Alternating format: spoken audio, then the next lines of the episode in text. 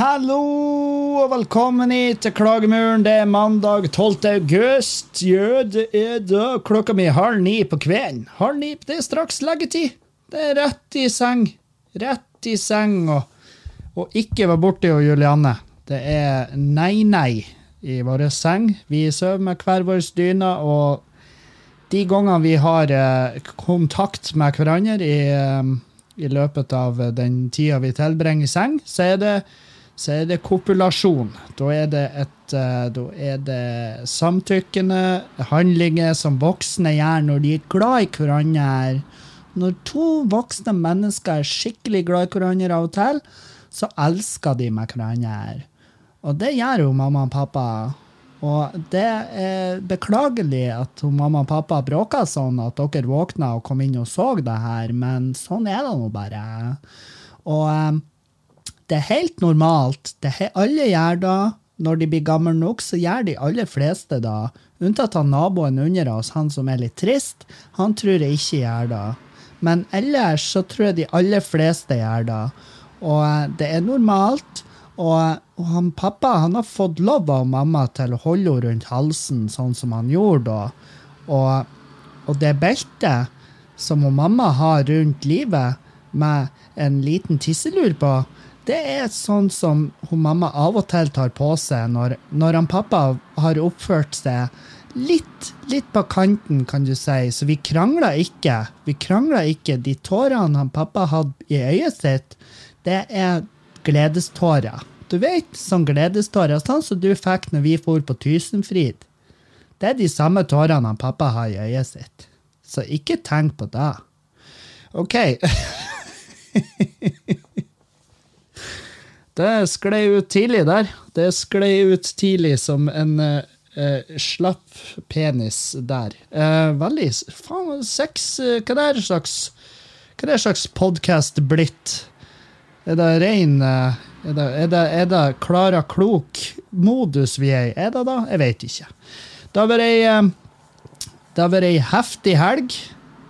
Det må jo gå an å si. Vi hadde Fjøsen live, eller Nødfjøsen live, så det var denne gangen.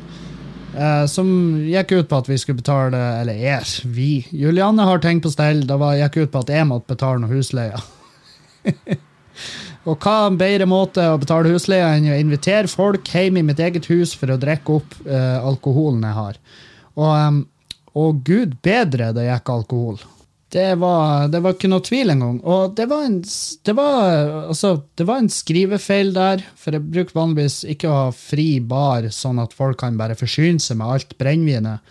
Fordi at jeg, jeg, jeg vet faen hvorfor, om hvem jeg prøver å lure, at det er en flott mann og har tilgang på midler i den forstand at jeg kan kjøpe dyrt brennevin, men jeg, jeg, jeg hadde noen greie flasker med Tequila jeg er jo veldig glad i god tequila. Bra tequila.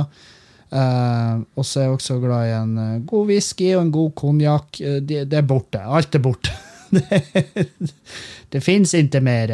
Og, um, og, det var rett og slett en skrivefeil, for vanligvis jeg skrev fri ølbar, og så skrev jeg fri bar til de ti første som kjøper billett, og da var det litt seint å begynne å endre på det. Så jeg skal i hvert fall ha at det er en, det er en mann som står for det eh, som jeg, Jeg står for det jeg sier, og det, det jeg lover. Så jeg prøver å oppfylle alle sine ønsker.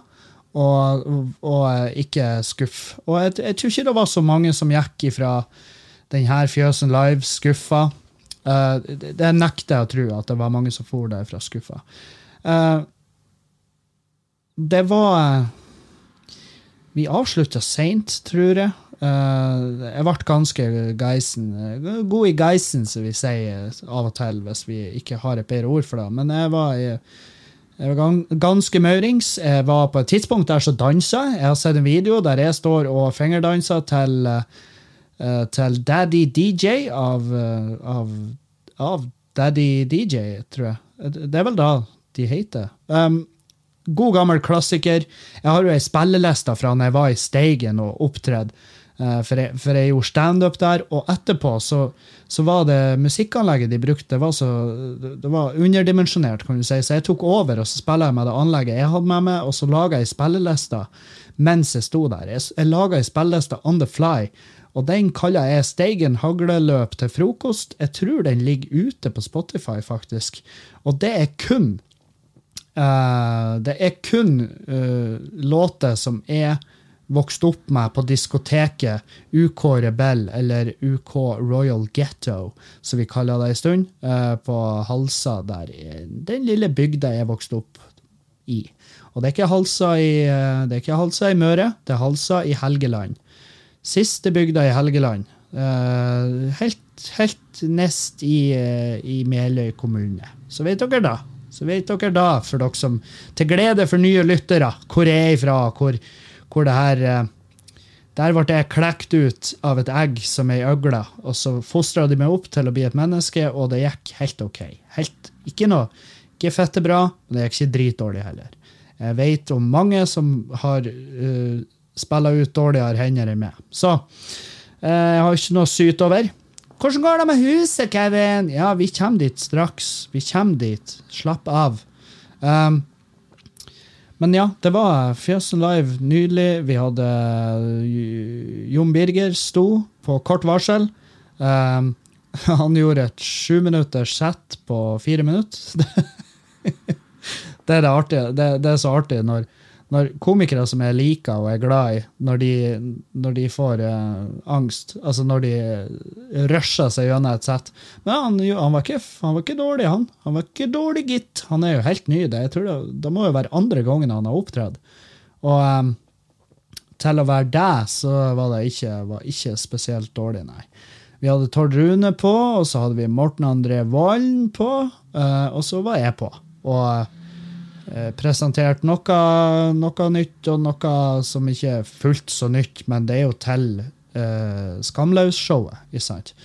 Så jeg hadde noen ideer der som bare virkelig ikke funka i det hele tatt. Og så hadde noen ting som uh, gikk rett hjem hos den hos lytterne. Og jeg innser jo at kanskje ikke det er Kanskje ikke publikummet på, på uh, Fjøsen Live er det mest representative publikummet som for å teste tekster på. Jeg har tenkt på det i ettertid. at uh, Det er jo de som uh, Det er jo ofte de som hører på podkasten, uh, eh, fordi det er jo her jeg selger billettene via. Og så Det er de som hører på podkasten, og så er det så, ja, så, de, så, det er liksom fans, da. Det er folk som, eller om de er fans Jeg har jo folk som hører på podkasten, som hater hvert et jævla ord jeg sier, men da, jeg skjønner ikke. Det er en veldig rar form for uh, for eh, audiovisuell uh, sjølskading. Og det er jo, jeg vet faen, kanskje det er den nye typen sjølskading. Den som ikke legger igjen merker annet enn på sjela di, og så er det for seint når du da gjør fucked up ting som jeg vet faen, prøver prøve å skyte opp en moské,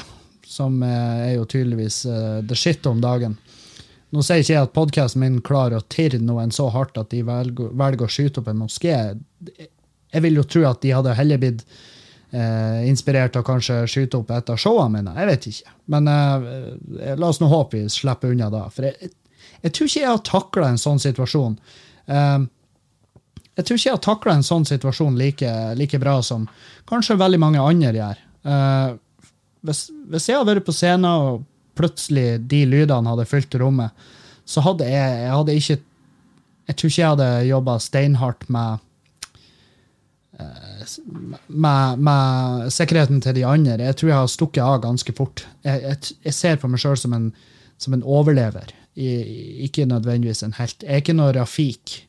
Jeg hadde neppe gjort det han Rafik gjorde. Og hvis du ikke vet hvem Rafik er, så er det han eh, 65 år gamle duden eh, som er, for å være helt ærlig, tviler litt på alderen hans.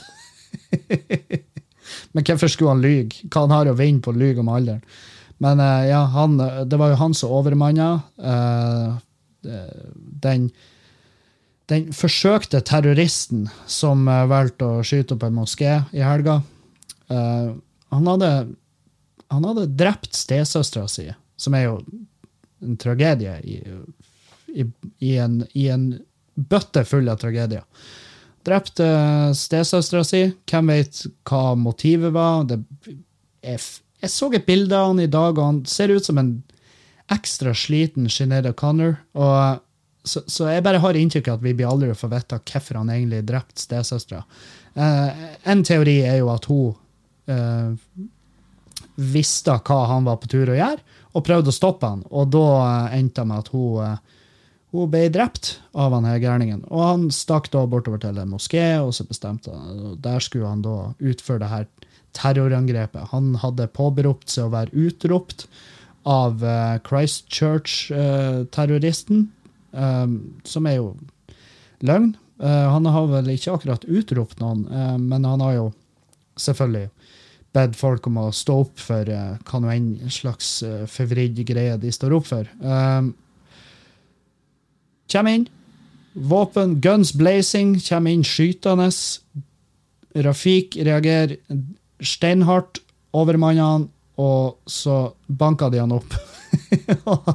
han fikk juling, og eh, han så jo faen ikke ut. Eh, Rafik fikk en, øy, en finger inn i øyehullet sitt.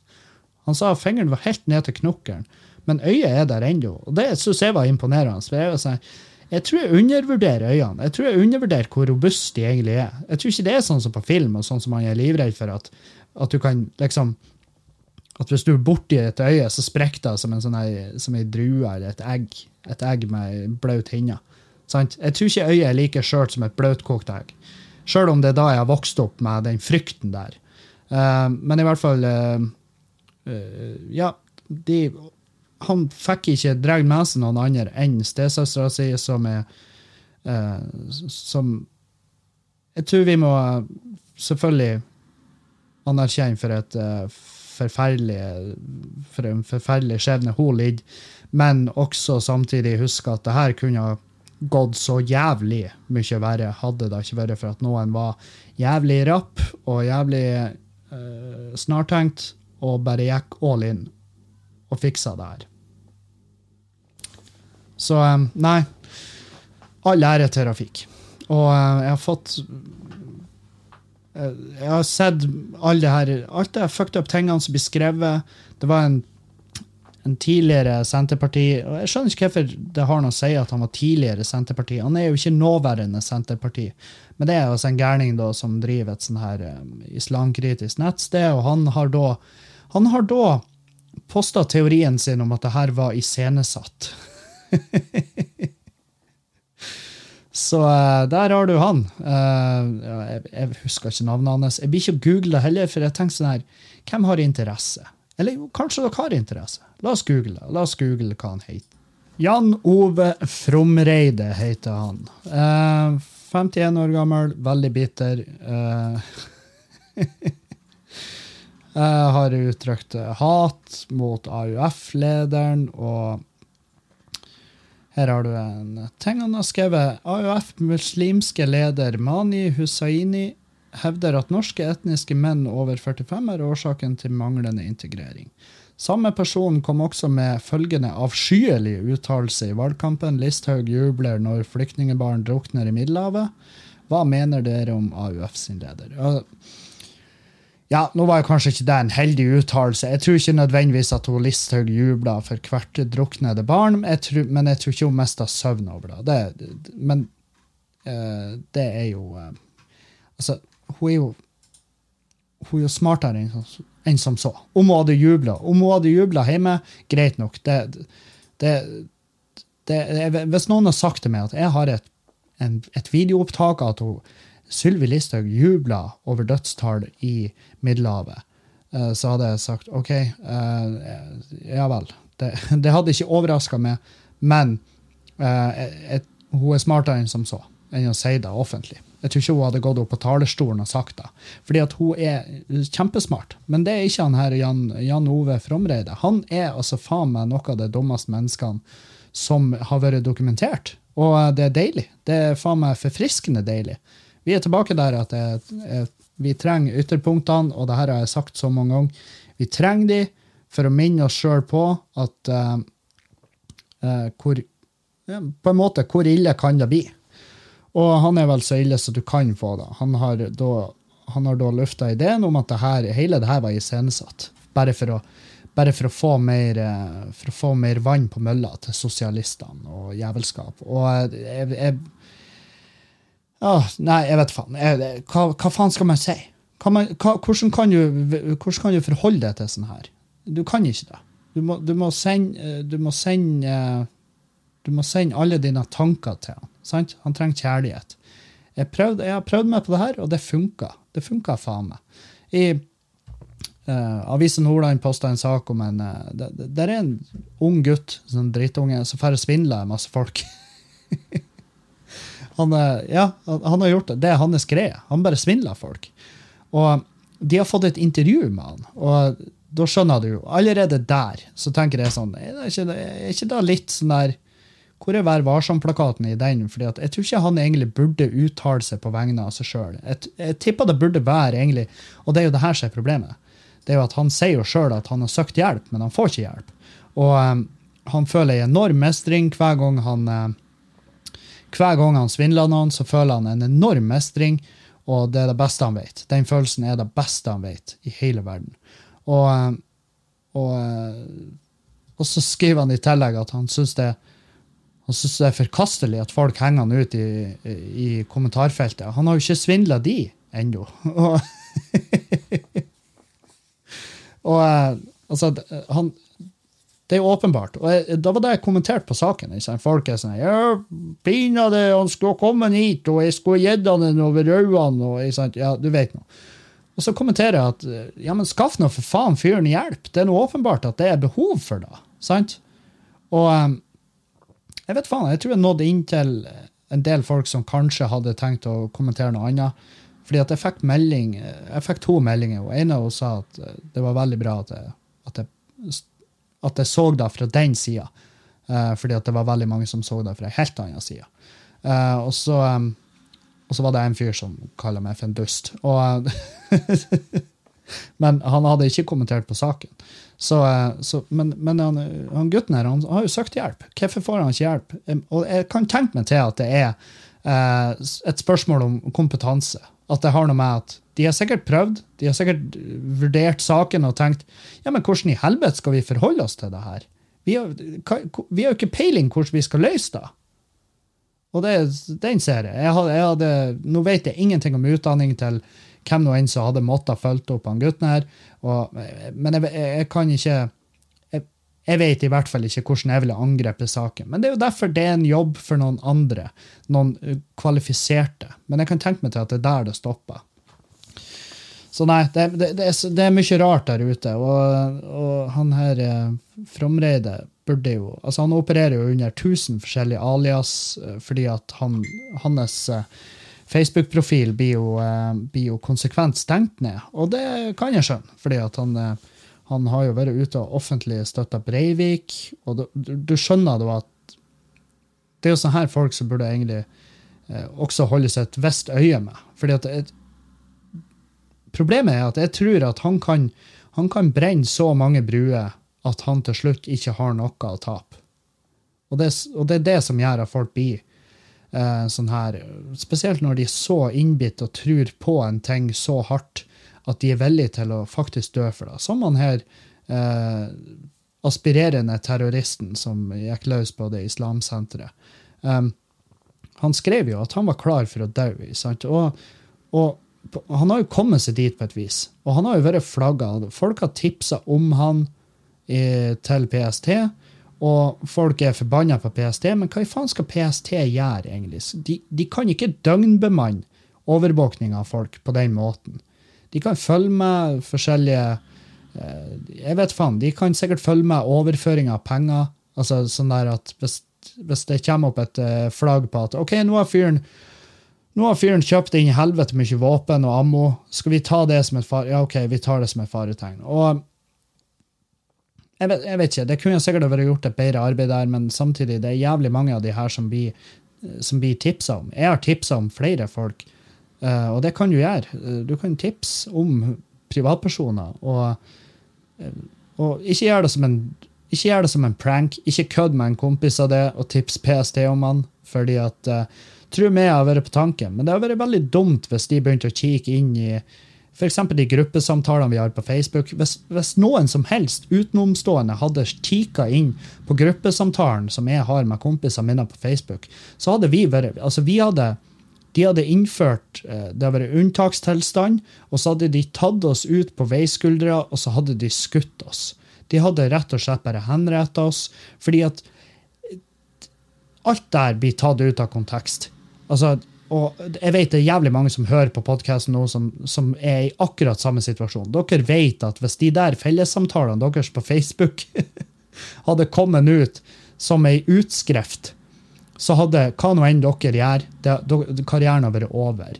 Og jeg vet faen om hvorfor jeg forteller det her. Er det sånn at, Prøver jeg å helgardere meg sånn at den dagen da faktisk kan skje, eh, så har jeg sagt at ja, men jeg snakka om det i podkasten i episode 49, at, at uh, jeg har en sånn samtale gående, så dere blir ikke å skjønne humoren.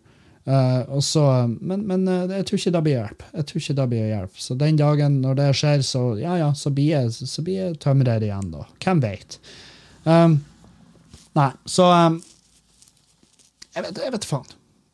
Jeg, jeg, alt det her, det, det, er forferdelig at det skjer. Jeg er glad det ikke jeg er glad det ikke var mer omfattende, for det hadde vært en kjip uh, det, det, hadde vært en meget Det er meget uh, trasig mandag og satt seg ned og prata om et uh, nytt sånn her forferdelig terrorangrep. Jeg er, glad ikke, jeg er veldig glad jeg ikke hadde podkasten når Utøya skjedde. Det kan jo høres us usympatisk ut, og det er kanskje usympatisk som faen. Men jeg tror ikke jeg hadde gjort noe eh, heder over det. Jeg, altså, jeg tror ikke jeg hadde gjort det noe tjeneste. Ingenting, altså, I hvert fall i den formen og det type menneske jeg var på den tida. Uh, det var det var noen eh, Jeg så bare muligheter for eh, drøye vitser, og, og um, veldig, veldig dårlige vitser òg. Og veldig dårlige sånn, Facebook-oppdateringer. Og jeg, jeg, tror jeg mista mange venner rundt den tida. Og jeg har innsett i ettertid hvor jævlig heftig det egentlig var. Og jeg husker, jeg husker For jeg var på Melløy-turneringa, som er en sånn fyllefotballturnering. Og da kom jeg hjem på søndagen. Det, det her skjedde jo i løpet av helga. sant? Men vi fikk ikke med oss så mye. Vi fikk med oss at det hadde skjedd noe helt forferdelig. Uh, men jeg tror ikke vi skjønte omfanget av det. Jeg skjønte omfanget av det når jeg kom hjem på søndag og så TV-reportasjene om det, og bilder og videoer. Og det traff meg så hardt at jeg satt bare og uh, satt bare og skreik. Og det fordi at jeg var jo, jeg var jo fullsjuk, jeg hadde angst. Eh, jeg ble bombardert med det der, og jeg klarte ikke å rive øynene av TV-en. Og eh, det, det, var bare såpass heftig at jeg satt bare hjemme og skreik. Og så var jeg alene. Jeg husker jeg skrev på Twitter. Eh, jeg skrev 'Jeg vil ikke være alene nå'. og det var ingen som svara. det var ingen, det var ikke engang en Det var ikke engang et hjerte der. Men det skjønner jeg jo nå i ettertid. At eh, det var sikkert noen som leste den tweeten og tenkte Dude, der er, der er andre folk som trenger, som trenger oppfølging, ikke du. Uh, nei, så sånne her, sånne her greier, det, det, jeg liker det ikke. Jeg, selvfølgelig jeg liker det ikke. Hvem som liker det? Jo, det er en, det er en spesifikk gruppe folk som liker det, og de, og de må følges opp.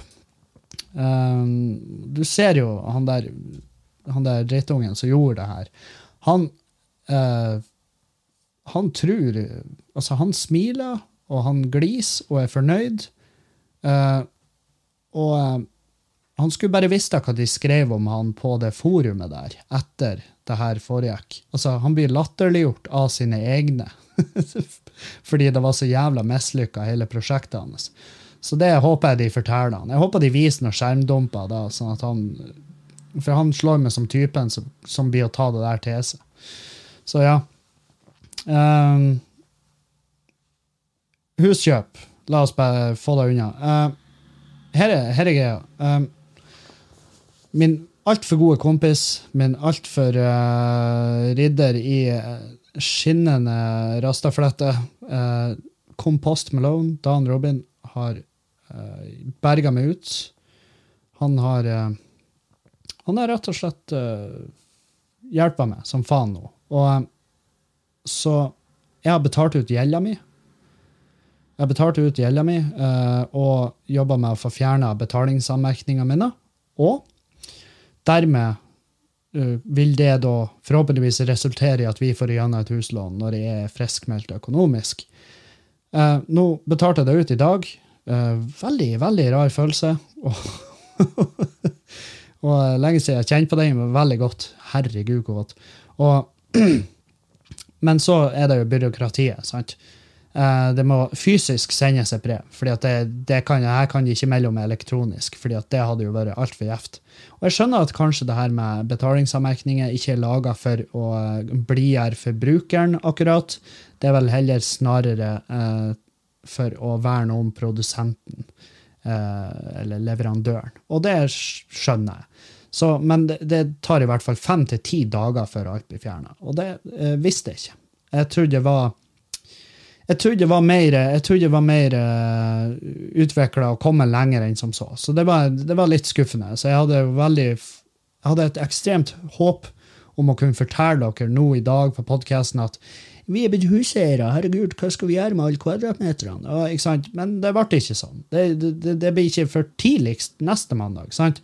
Og da er det og så tør jeg ikke å bli for glad, uh, sjøl om vi er blitt forespeila at det her det skal ordne seg. Og um, så, så, tør jeg ikke å bli for glad, fordi at jeg har uh, Ja, som sagt, jeg har kjempa mot uh, mot uh, bedre odds og tapt. Så uh, det, blir det rett måte å se det på? Jeg har aldri forstått helt det odds, men uh, dere skjønner. Jeg hadde, jeg hadde, bedre forutsetninger og gjort det dårligere. Så jeg feirer ikke før jeg har en nøkkel i handa og setter meg ned inni et bygg som da på papiret tilhører banken, som da vi disponerer.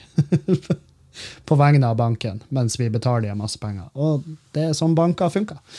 Men uh, han er en kul dude, han uh, Jarlemann på uh, Sparebanken. Han, han, han, får det i hvert fall til å virke som at han har lyst til å hjelpe oss. Og jeg har en følelse om at han har det, og jeg har også en følelse om at han er genuint, genuint gira på at vi skal greie det her. Så ja. Nei, en shout-out til min, min bankdude, Jarlemann. Og en shout-down eh, til DNB, som eh, har bare flira i, i, fjeset vårt fra dagen. og så rett de gjør. Man kan vel strekke seg så langt som å si at de gjør jobben sin uh, når, når, jeg kommer inn døra. Det, om de har hørt om meg eller ikke. Så er det, bare, det er bare elleve siffer de trenger å trykke inn for å få opp en, uh, en rød, et, et rødt lys som blinker og en klar beskjed om å kontakte uh, Securitas eller Nokas eller hvem nå enn de har leverer, som leverer sikkerheten i det respektive lokalet. Så ja, det tar jeg, jeg, tar det, jeg tar det lett. Jeg tar det veldig lett. Og, men faen, nå er det, det er mange baller i mange planer, mange håp jeg har. jeg har f.eks. et veldig hårete mål om å og jeg vet ikke hvor Det det her kom det her kom pga. Dag Sørås. Dag Sørås snakka om at uh, han har begynt å sprenge veldig mye, og han sprenger veldig fort og langt. Han sprenger femkilometeren fortere enn meg. Og det Jeg vet ikke hvorfor det irriterer meg, men det er vel kanskje fordi at uh, jeg og jeg og Dag er vel en, vi er vel å anse som de to komikerne i Norge som har vært sett på som noen av de mest usunne menneskene i komimiljøet. Forbigått av et par andre, selvfølgelig, men, men, definitivt. Vi hadde ikke vært valgt først hvis det hadde vært sånn her eh, Friidrettens dag, Tinestafetten i komimiljøet. Da hadde vi vært valgt sist på lag. Vi hadde stått igjen i lag med Jeg tippa Sebastian Kjørstad, for han mangla armer og bein. Så, øh, og, øh, og, ja, nei, dere skjønner. Vi vi, vi har ikke vært førstevalget i hvert fall til, til de stafettlagene. Og, og nå, nå, vi, nå, har vi snudd litt på det. Og vi har gjort grep med våre fysiske anliggende som da har gjort at Eh, vi, vi, er plutselig vi, vi, er ikke de mest usunne. Vi er fremdeles på ingen måte de mest sunne, men, men, men jeg føler at vi stiller ganske greit. Og når Dag sprenger fem kilometer fortere enn meg, så ble det sånn Nå er det krig. Jeg skrev det til han, nå er det krig.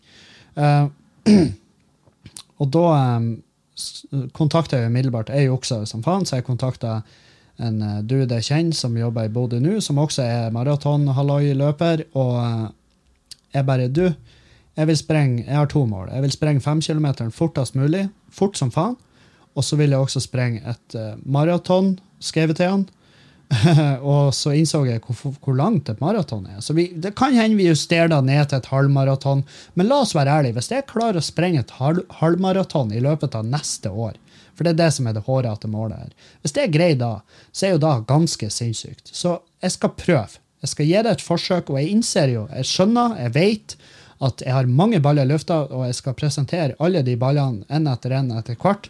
Men jeg har så mange baller i lufta nå, og, og eh, jeg har jo turné i høst, og jeg burde kanskje passe på, men det å holde meg i aktivitet og trening, det blir jo ikke å gå utover turneen. Da blir vel kanskje bare å gjøre turneen enklere å, å avvikle. sant?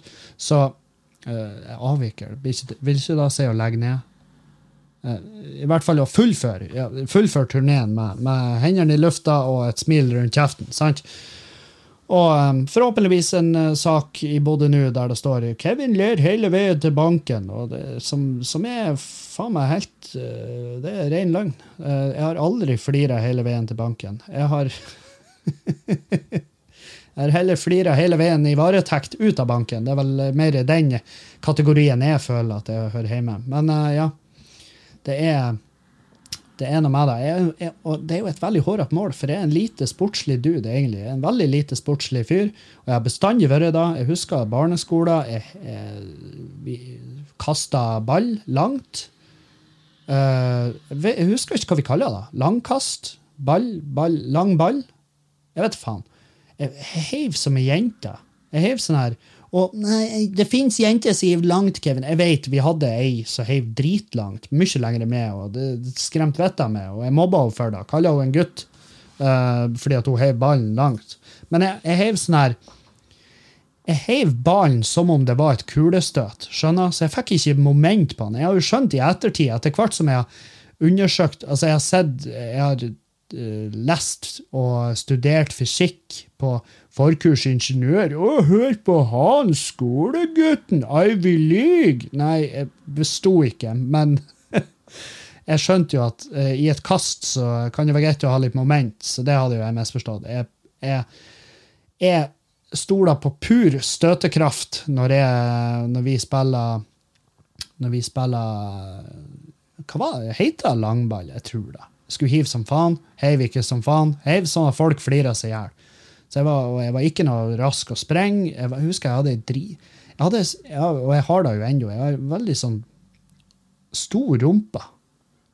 Veldig stor rumpe. Jeg var sånn her eh, Jeg, jeg sammenligna det i helga. Det er en veldig artig setning, egentlig. Men jeg sammenligna det med eh, Du vet når en sånn tiåring eh, En tiåring, sant? Ræva mi ser ut som en tiåring som går hjem fra skolen dere, dere vet når tiåringer de går hjem fra skolen, det de gjør, det er at de slipper eh, eh, reimene på ranselen helt ut, sånn at sekken henger ned på ræva deres. Sånn så jeg ut når jeg gikk i, i, på barne- og ungdomsskolen.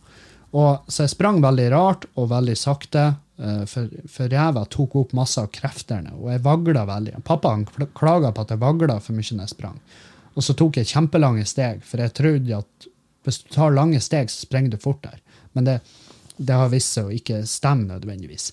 Eh, med mindre du er oppe i eh, den, tren, altså den formen som, som, eh, som kortdistanseløpere, sånne som spurter. De, de, tar jo veldig lange og harde steg. De spretter jo av gårde. Men det gjorde ikke jeg. Jeg spratt ikke av gårde, jeg vagla av gårde. Folk flirer. Folk flirer og gjorde narr. Og det, ja, jeg har en viss forståelse for det. For jeg jeg, vet hvordan jeg så ut. Føttene gikk som noe tromstikke, men jeg kom meg faen ikke fremover. Jeg kunne ikke hoppe langt. Jeg turte ikke. Jeg har en eh, fobi mot å stupe kråka. Fordi at jeg hadde prøvd meg på en salto en gang på ei trampolina. Så jeg datt, og så slo jeg nakken veldig. Og etter da så hadde jeg fobi mot å stupe kråka. Jeg turte ikke. Jeg klarte det ikke. Verste, verste følelsen i mitt liv var å være opp ned og rulle rundt. Så det, det, fikk jeg tyn for. Jeg var veldig svak. Klarte ikke å ta pullups eh, under en sånn der eh, bom, en lav bom. Det var, det var, for hardt for meg. Eh, Pushups, det var ikke min type greie. jeg, var, jeg var tidvis flink i mål. Jeg vet ikke om jeg bare hadde en bra reaksjonsevne, eller hva nå enn, men jeg var tidvis flink i mål. Men der stoppa det. Det var liksom det jeg hadde å bidra med. Og, og jeg gikk jo i en klasse med veldig sportslige karer. Jeg husker Preben, han kasta jo Han kasta ball.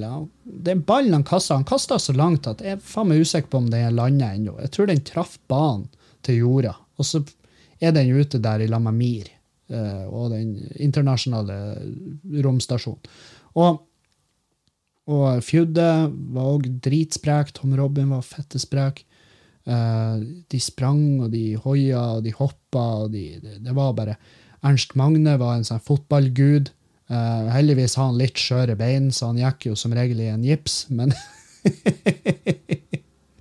Hei, Ernst. Jeg vet du hører på. Uh, men når han ikke var i gips, så var han jævlig flink, flink å spille fotball. Så det var sånn her Jeg, jeg var ganske alene om å være ganske ræva i sånn sportslig form. Og det ble bedre når jeg kom på ungdomsskolen, for da, ble jeg i en klasse med masse andre gutter som var ræva i sport. Så da følte jeg meg ikke like piss. Men, eh, men eh, på Halsa-skolen så var det ganske heftig. Det var, det var ingen tvil om hvem som var, hvem som var det dårlige, det dårlige frøet i klassen der. Så jeg, jeg briljerte jo aldri på fotballbanen. Fikk ikke spille så mye, og det skjønner jeg. Eh, fordi at treneren var keen på å vinne, og det var ikke forenlig med min sportslige ånd. Um, så ja, nei, det har vel vært Og, og jeg husker, og jeg skylder faktisk den dag i dag òg på det. Jeg skylder på det at mamma og pappa ikke var særlig eh, De, de var ikke, vi, vi var ikke rike. Vi var ganske blakk. Vi var Det var det var konkurser og gjeldsordninger og jævelskap, og jeg fikk ikke noe bra sko.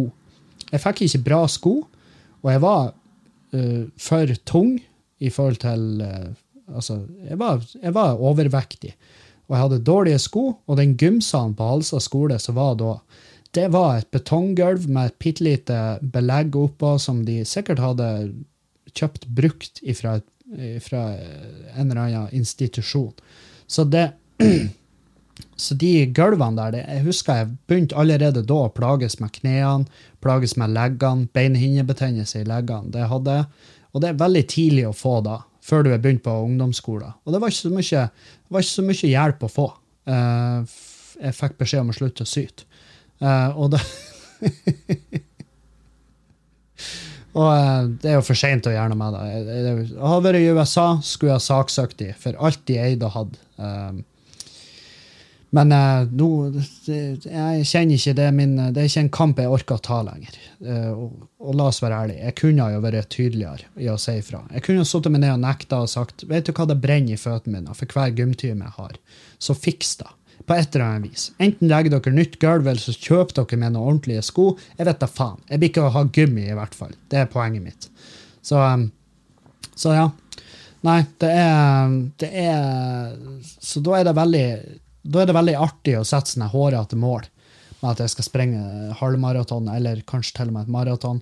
Jeg tror det er sånn at Når du kommer opp i den formen at du klarer å sprenge et halvmaraton, så tror jeg det, den veien til et helmaraton Jeg tror da er bare Og nå, nå kan jeg hende brenne meg, nå, nå må dere gjerne arrestere meg.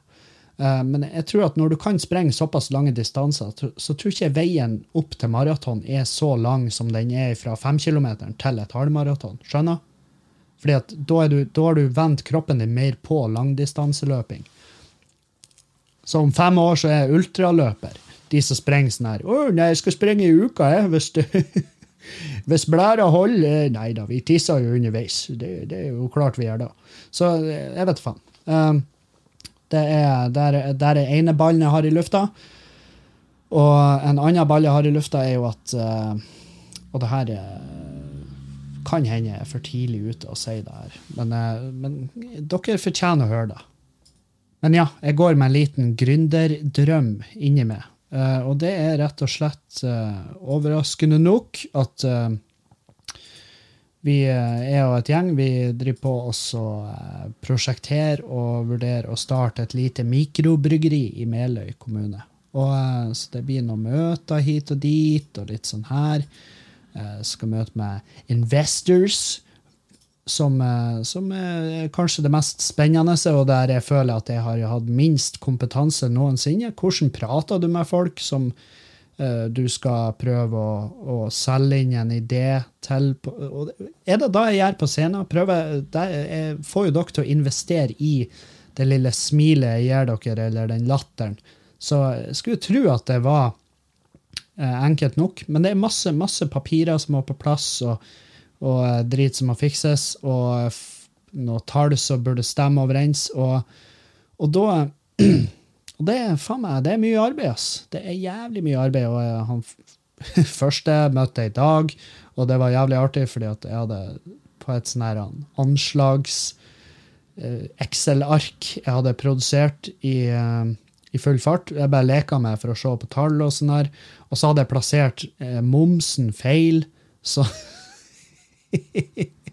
Jeg hadde plassert en feil i Excel-arket, så jeg fremsto jo som en forpult idiot. Og han flirer jo heldigvis bare, fordi han vet jo at jeg er en forpult idiot. Så, eh, så det er liksom, Og han sa da bare det her er sånne ting du må ha litt mer på, på stell før du møter noen som, noen som, har, som potensielt skal investere i det her.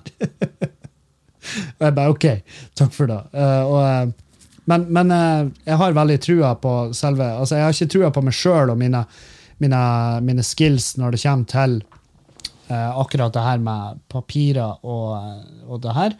Og det er derfor vi skal helst Vi skal jo ha med oss noen som har litt mer peiling, som kan ta seg av den akkurat den delen av prosjektet. Men, men vi skal da eh, vi, vi har lyst til å starte opp et lite, lite sjelfullt mikrobryggeri. Vi har eh, reservert eh, domener, vi har fått en logo. Det skal hete Svartisen Brewing Company. Og det blir det blir mer nyheter om det fremover, vil jeg tro. Og, og ja, så hvis det Som sagt, jeg kødda ikke sist. Hvis det er noen som sitter og hører på det her og tenker at faen, kanskje, kanskje der vi skal investere litt penger i eh, et eh, gjeng håpefulle gutter som skal jobbe eh, timer for å få det her til å gå rundt, og ubetalte timer skal vi jobbe masse av. Mye egeninnsats. Vi er tømrere, vi er elektrikere, vi er faen meg alt mulig rart. Vi skal sette et lokale i stand og få det, få det bra.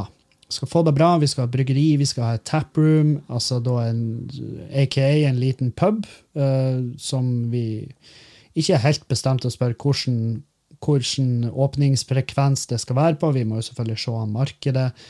Og så det, blir det kurs, det blir ølsmaking, det blir eh, konferanser kan de ha der, det blir events, type standup og musikk. Og, og, eh, og jeg tror en, eh, jeg tror vi kan tilføre Meløy noe som, eh, som eh, de ikke har sett tidligere, og som kanskje kan bli veldig populært der. Det er, det, det, det, det er mitt håp for det.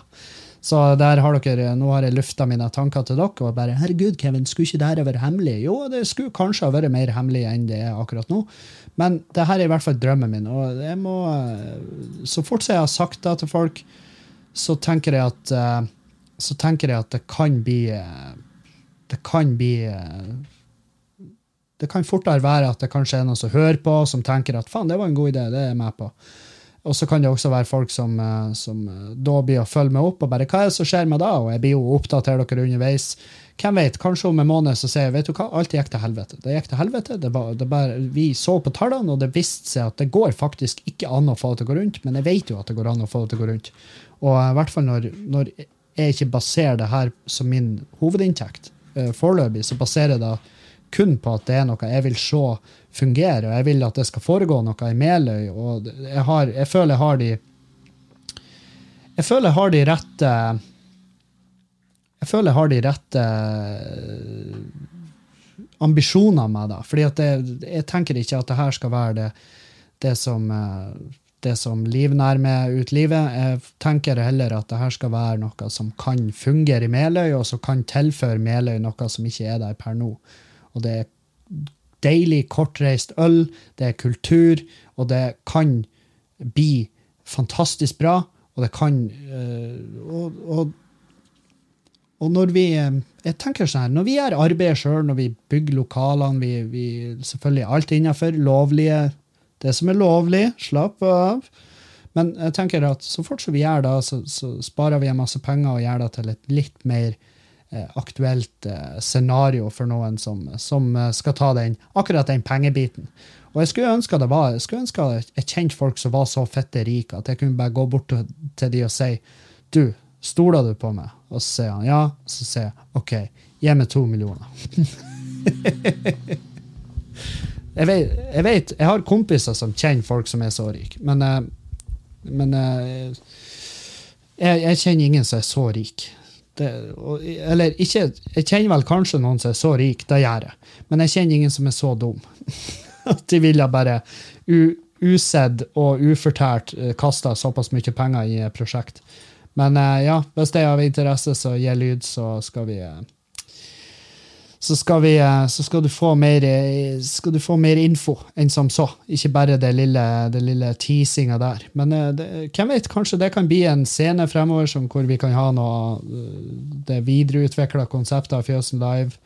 Uh, og da er det, det er jo nydelig, omgitt av nydelig natur, og det er Mele kommune som går foran. I logoen er Svartisen, uh, som er nydelig liten bre, altså det er jo brearmen Engenbreen. ikke sant? Det er den vi bruker. Vi skal melke den for det det er verdt.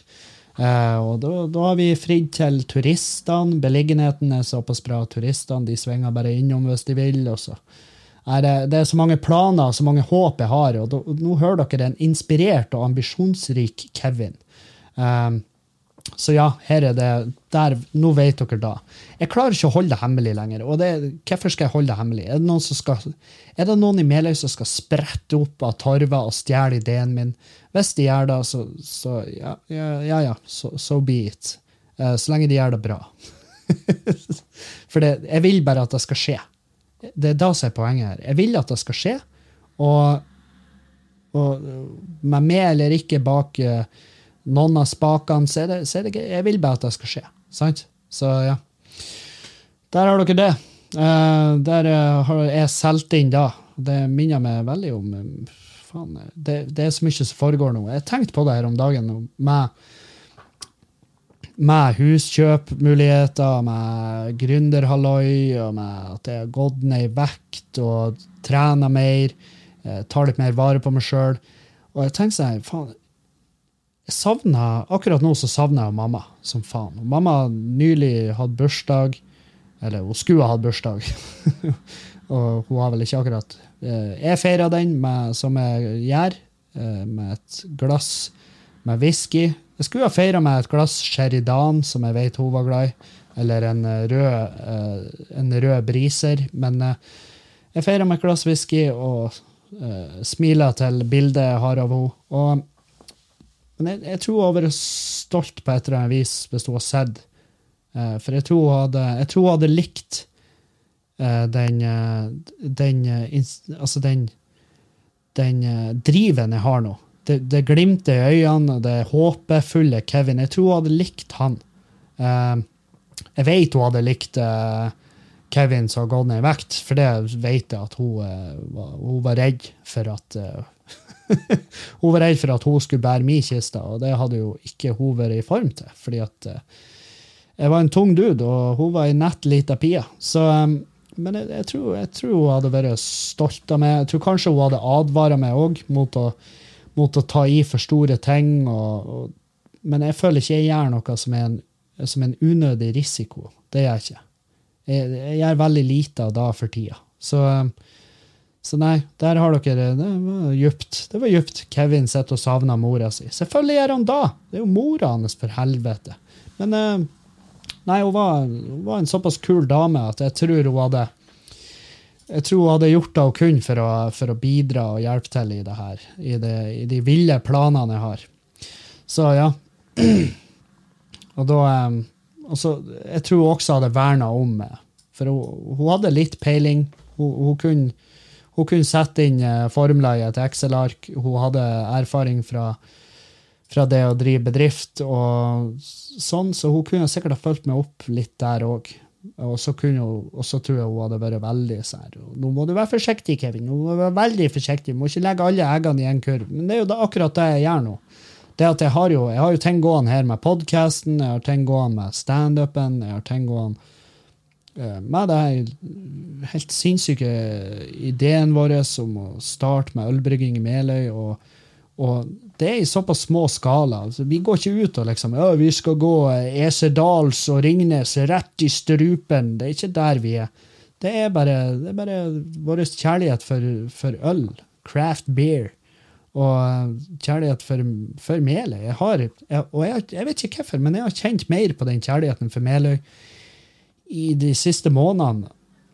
Så det, det kan hende at det er bare da at uh, at det begynner å komme tilbake, den litt sånn patriotiske, og at jeg ser muligheter der. Og jeg håper at og I hvert fall nå når sentralisering er en så stor del av, av det politiske bildet, så, her, så, så, tror jeg jeg har tenkt at jeg vil ikke at det skal bli sånn. Jeg vil ikke at Meløy skal bli bare altså, sånne grå bygninger som forfaller langs veien og så er det, eh, og så er det kun sånne stae hestfolk som bor igjen der, som drar og trør og eter de finner på bakken. Jeg vil ikke at Meløy skal bli en plass der ingen skulle tro at noen skulle kunne bo.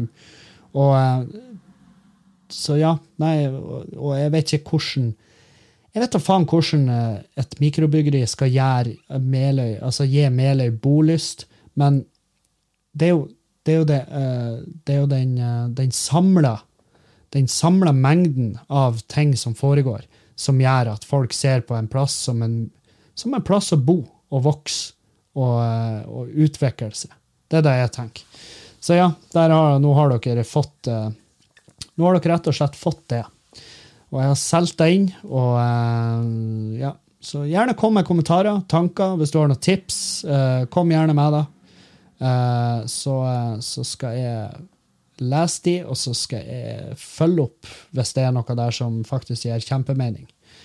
Um, så der har dere mitt Min lille selger-Kevin er tilbake. Og det er sånn jeg har ikke savna å være selger, men jeg blir jo aldri å være den type selger igjen. Jeg blir ikke å gå på døra til folk med en kasse øl. Uh, Sjøl om det hadde sikkert vært faen meg ikke en dum idé. Hvis det hadde vært lov, så tror jeg jeg hadde solgt inn i helvete. Hvis det hadde kommet på døra til folk og bare Hei, du uh, mangler dere øl?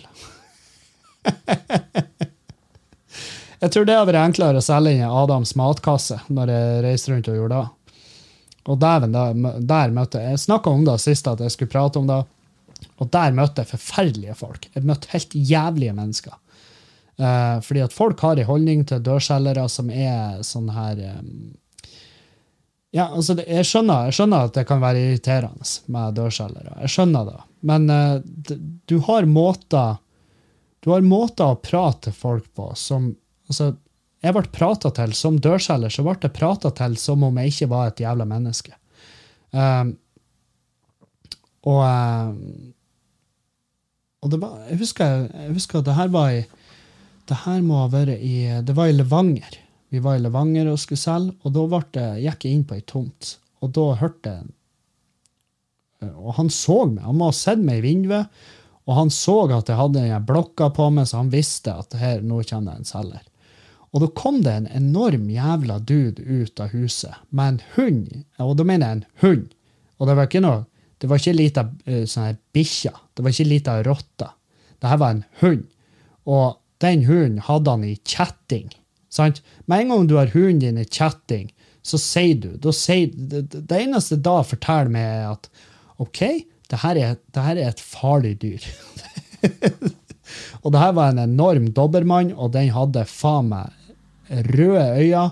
Og den, den drog sånn i kjettingen at det knitra, og han fyren, han, han så bare på meg, så sa han Ha deg ut av tomta mi! Og jeg bare Ja, jeg skulle bare jo ha deg ut. Og så slapp han ei løkke på kjettingen, sånn at hunden kom seg litt fram. Og da fikk hunden bunntenning, så den begynte å hoppe og gjøy. Og jeg bare Greit, jeg stikker. Jeg drar. Ingen problem. Ingen problem, jeg drar. Jeg er ute av ditt liv. Og eh, Og, eh, og jeg møtte en fyr, møtte en fyr, og det her var Det var ja, det var òg i Levanger. Det var utafor Levanger, ja. Og det, faen, hva, hva er det med Levanger-folk? De er jo nydelige når jeg er der og opptrer, men ikke når jeg er der og selger. og det her, han fyren han var bare frekk. Han var bare ufin. Han kom ut med ungen, eh, en unge på armen, og den ungen var sånn her eh, seks. Og så sto sønnen hans rett bak han, og han tipper jeg var en 10-12 år gammel. Og så sto han der faren og bare kjefta på meg. Han sto bare og var direkte ufin, sa forferdelige ting. Uh, han sa, for eksempel på et eller annet tidspunkt, så sa han at eh, Han sa 'du, din taper'. Og så, og så sa han hvis du hadde hvis du hadde tatt livet av deg sjøl i dag, så hadde det gått flere uker før du ble meldt savna. Um, og da sa jeg bare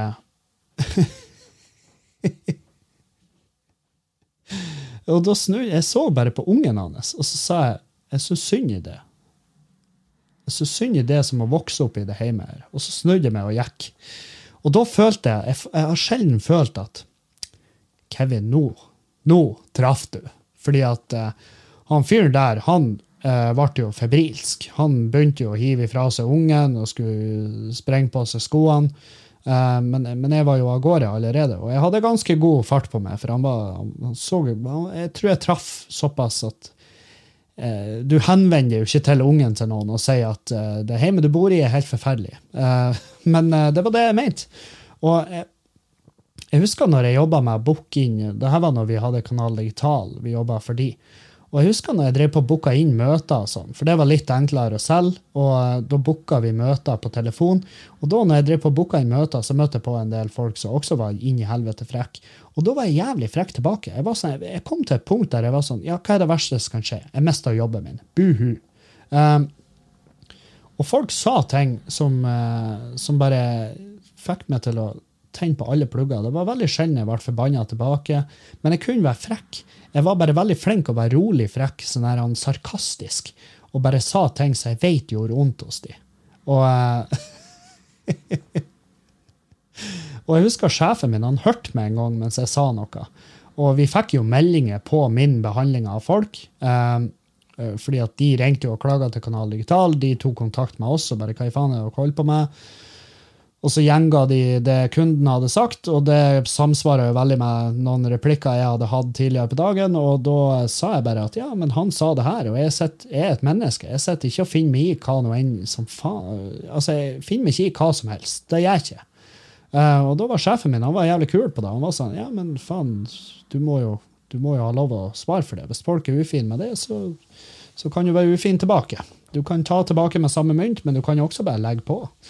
Um, Kanal Digital var jo et, et, jeg, tror de, jeg tror ikke de var så keen på at jeg skulle jobbe der. Eh, Jeg tror de kom til et punkt der eh, ok, nå er det mange meldinger på han der Kevin.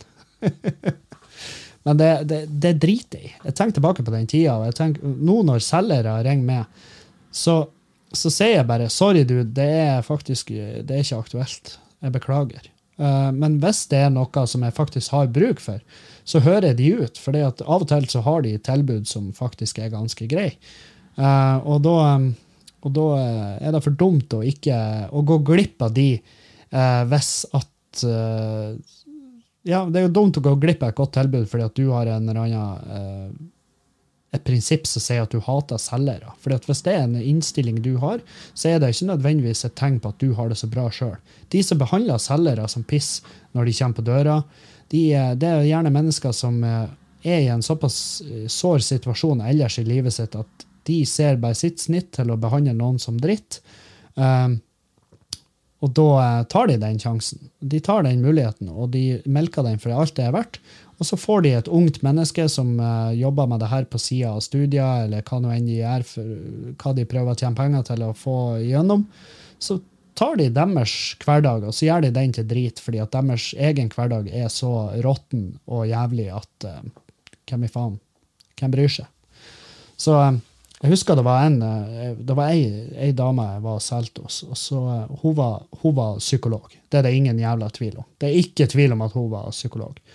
Og hun ba meg om å sette meg ned. Det var jo varmt sommer, og hun bare sette deg ned og ta deg et glass med Hun hadde noe saft hun hadde laga. Lemonade, kaller hun det. Og eh, det var første gang jeg hadde smakt lemonade, og det er saft. Det er rett ut saft. Og hun prata meg med om jobben min såpass lenge at jeg begynte å skrike. Fordi at hun bare hun grilla meg så hardt og så rolig. Og hun kom under huden min på et så mesterlig vis at jeg begynte å bælje. Uh, og for derifra uh, med, med den innstillinga at det her skal jeg ikke jobbe med lenger. Uh, og det ble sånn. Det ble sånn at jeg slutta. Og, og, det er jeg veldig glad for. For jeg, jeg, er ikke laga for å være i en provisjonsbasert 100 pro, Jeg kan ikke ha 100 provisjonsbasert inntekt. Sier jeg nå høyt mens jeg er standup-komiker og jeg får betalt etter billettsalg. Men jeg vet faen, jeg vet bare at det funker, og jeg selger, jeg selger såpass at jeg greier meg. Sant? Og da er jeg fornøyd. Uh, men, men, ja. Det er, det er, noe å tenke på. Ta, ta og Vær snill med selgere. Selv om, om de prøver å selge noe du ikke har bruk for, så kan du si da du, sorry, jeg, det her er ikke for meg, jeg må nesten gå. Jeg har dårlig tid. Si da, ikke si fuck off, skaff deg en ordentlig jobb, din jævla drittsekk. Sånne her ting. Ikke vær da menneske. For hvis du er da menneske, så, så um, Hvis du tror på karma, så er, burde du i hvert fall ikke være da menneske. Men prøv nå å ikke være et forferdelig menneske. Fordi at du hva, hva du har igjen for å ødelegge dagen til noen som bare prøver å gjøre jobben sin? Hva er det som feiler det? sant? Ja, du kan gå og skaffe deg en ordentlig jobb. Det er faktisk en helt ordentlig jobb. Det er mange selgere som jobber så hardt, og de tjener såpass at de kunne gjort de fleste andre som, som prater stygt til dem, til, til ren skamme. Så ja, slutt å, slutt å dømme. OK, vi går over på spørsmål, for jeg skal ikke dra det her noe lenger ut enn det jeg må. Um, Hei, Kevin. Vil Og det her er en lang en. Det er en lang. Men den er veldig gøy. Hei, Kevin. Vil bare først si at jeg er stor fan av podkasten og ser frem til hver tirsdag og torsdag. tirsdag og fredag blir det jo. Uh, I hvert fall de her dagene hvor jeg spiller inn seint. Men ja, ja. Vi ses på førstkommende show i Bodø. Uh, ok. PS lang post. Ja, vi vet. Jeg begynte å snakke med en jente for noen måneder siden, og dette har utviklet seg som en sommerflørt, kan man vel si. Uh, ok. Det var latter, det var sang. Um, etter en stund med denne jenten traff jeg både venninner og kompiser av hun, helt til den ene lørdagsnatten da jeg traff en av bestevenninnene hennes på fest, og endte opp med å snakke med henne stort sett hele natten til det var leggetid, og vi tenkte samme tanke. Meg, deg, seng, asap. Uh, ok. Vi våknet begge opp dagen derpå med det jeg kan beskrive som en av de beste slash verste kveldene i mitt liv, med skallebank som skulle vært ulovlig. Jeg forklarte til denne venninnen at uh, jeg hadde det gøy, men jeg liker bestevenninnen din godt. Sommerflørten, i parentes. Hun var forståelsesfull og var enig om at vi begge skulle holde kjeft om dette og bare være venner. Men jenter snakker noe inn i helvete, så dette ble da spredd utover, så stort sett alle vet det i min, min og hennes sirkel. Fra guttegjengen blir jeg bare hetset og gjort narr av, men såpass tåler jeg. Mens fra hennes krets får jeg det jeg ville kalle milde drapstrusler som ikke direkte skremmer meg, men gud vet hva jenter kan finne på i fylla med tanke på vold. Jeg, jeg, tror ikke du blir drept. Jeg tror ikke du blir drept fordi at du knuller noen andre. Det, det, så jævla heftig er ikke det her. Eh, det er jo ikke akkurat så jeg kan skalle ned en jente i taxikøen uansett omstendigheter, med mindre hun drar kniv samtidig som noen filmer alt fra start til slutt. Eh, slapp av, du blir ikke å ende opp der. Uh, nå kommer casen. Jeg snakket videre med sommerflørten min som om ingenting hadde hendt. Ok, og det virket som om hun ikke hadde noen anelse om hva som hadde hendt mellom meg og bestevenninnen hennes. Som er bra helt til at hun sa vi, skulle, vi kunne ta en kaffe på kafeen på City Nord sammen, med, sammen og brenne tid som Helvete, hva du skriver, mann. Vi kunne ta en kopp kaffe på kafeen på City Nord sammen og bare brenne tid. Samme som jeg syntes var en god idé. Ja, OK, du syntes det var en god idé. Helvete. Bak min rygg visste sommerflørten alt som hadde skjedd, og var rasende, mildt sagt. Vi møttes til kaffe og snakket sammen. Plutselig blir hun emosjonell og bryter sammen om hvor godt hun liker meg, og at ingenting skal komme imellom oss, og helt til slutt røyser hun seg opp og velter, med vilje, vil jeg si, kokende varm kaffe over skrittet mitt og stormer ut av kafeen. Holy fuck. Før jeg innser hva som har skjedd, går koppen i gulvet og knuses, og all oppmerksomhet vekkes mot meg, og en satans brennhet stikkende varme utbrer seg over hele kuken og lårene mine. Jeg røyser meg og freser ut et grisehul, grysehyl ut av en annen dimensjon, joggehalter ut av kafeen i stormskam. Som egentlig ikke betydde noe ettersom skrittet mitt var påtent der og da. Uh, vil bare beklage hvis noen av dere lytterne var på kafeen på Sitt Nord og fikk, med, fikk, med, dere hva som skjedde, som jeg tviler veldig sterkt på, men hvem vet. Tilbake til historien. Ettersom jeg kom Ettersom jeg kom meg til bilen, ser jeg en stor nøkkelripe i døren på bilen som som ikke gjør situasjonen noe bedre. Etter, had, etter, jeg hadde kommet meg hjem og fått lagt skrittet på is og roet meg ned, ringte jeg til sommerflørten opp og spurte hva i helvete hun styret meg, og fikk til svar. Jeg gjorde det som var best for oss. Etter det la jeg på og buret meg inne i huset noen dager, helt til jeg fant ut at jeg skulle kontakte sosiolog Kevin Kunrå Kildahl og høre din mening om hva i all verden jeg skal gjøre nå. Anmelde? spørsmålstegn, Prøve å snakke med vett i en forstyrret kvinne? Medisinere henne, få hun lagt inn? Hvem vet? Jeg har en bil med en stor nøkkelripe, en haug med jenter som påstår de skal sette fyr på huset mitt, og noe som føles ut som en kuk dyppet i en atomreaktor. Help me, please. Dude, du må bare Du må bare ikke gjøre en drit. Jeg tror du må bare la det her dø ut. Bare kutt kontakt, blokker, blokker og hold det unna, og ikke gjør noe mer.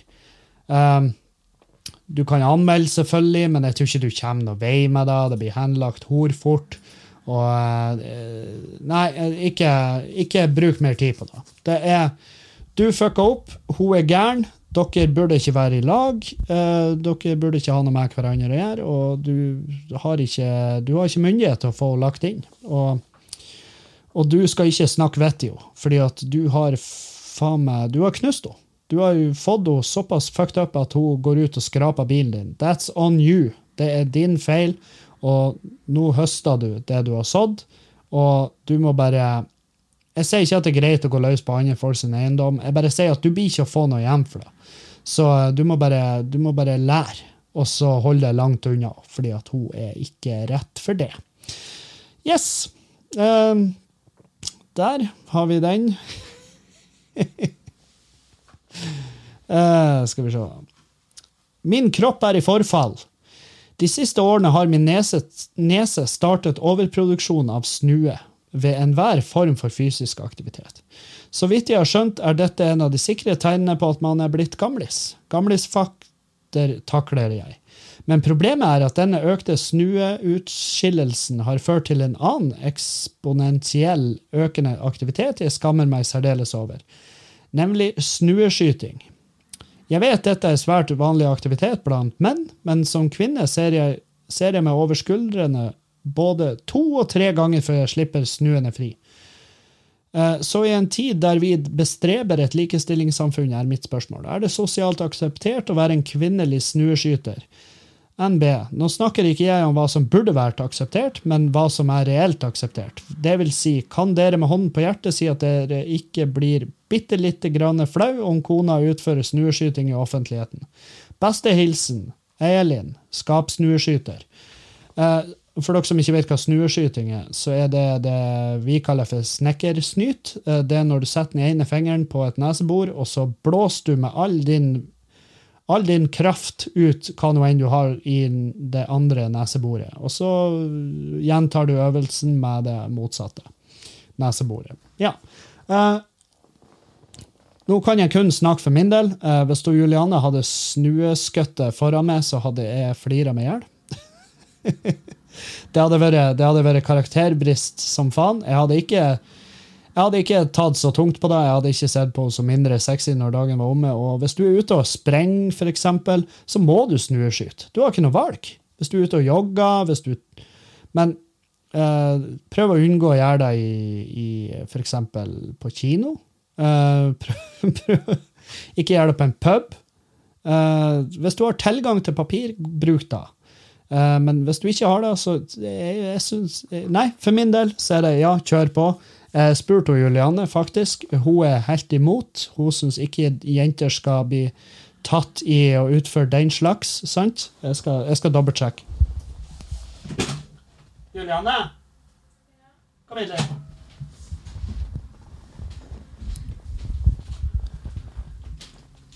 Hva, hva var din eh, tanke om den snueskytinga? Eh, Jenter får ikke lov å gjøre det? Var det sånn det var? nei, jeg syns ingen skal få lov å gjøre det. Jeg gjør jo det. Jo, men da er vel du unntaket, da. Ja, ok. Ja, for du har jo sett når jeg har gjort det. Men du har jo ikke, du har ikke sagt 'herregud, hvor sexy du er nå'. Nei. Nei. Jeg har sett en fyr gjøre det Altså Første gang jeg så det, så var det en fyr som gjorde det rett foran meg. og Jeg tror ikke han vet at jeg var der. Å ja. Og etter det så bare Nei, det der er ikke lov. Nei. Da kan du heller gå rundt med Kleenex på deg hvis at det er Ja, men hvis du er ute og sprenger, hvis du er ute og jogger tur- Hvis du er ute og jogger hver gang, du, og hver gang så må du snyte Så tar du med deg et lommetørkle på joggeturen? Ja. Å, wow. Ok, ja, den samtalen her er over. Du er relieved, Okay, er litt uh, du er jo- relieved of duty. Mest sannsynlig så er du alene da, og da går det greit. Men hvis det er folk i nærheten, så er det ikke greit. Ok, ja. Da er vi enige om at vi er uenige. Takk for deg. Ja, der har dere den. Uh, vi skal jo uh, Ja, eh, vi er uenige. vi er enige om at vi er uenige. Sånn er det. Uh, så der vet du. Sorry, Elin, jeg kan ikke, jeg kan ikke gi deg et definitivt svar, men hadde det vært jeg som bestemte, så hadde du fått lov å snuskyte, men kun i, i lag der det ikke var tilgang til papir, og ikke gjør det på et gårdstun under et bryllup. Gå, gå en annen plass, i hvert fall. Jeg, ikke gjør det foran folk. Ja, der uh, har dere det. Uh, fortsett å sende inn spørsmål til podkasten med og Juliane. Vi begynner å få en del bra. Uh, så, uh, det er en podkast hvor jeg og Juliane skal spille i lag. Og da må vi ha masse spørsmål. Folk, ting dere lurer på om, om hun eller forholdet, eller uansett faen. Ting dere vil spørre om, send det inn hit til klagemurenpodkast.gmil.com eller på Instagram til meg, Kevin Kildahl. Følg meg gjerne på Instagram. Gjør nå da, da, folkens! Og så, eh, og så høres vi igjen på torsdag, eller så ses vi igjen på Patrion i løpet av uka. Jeg begynner å komme i mål med videoen, og eh, ja, jeg har, ikke, jeg har ikke brukt nok tid på det i det siste, så nå skal jeg skjerpe meg. Så takk for meg. Vi høres. Auf Wiedersehen!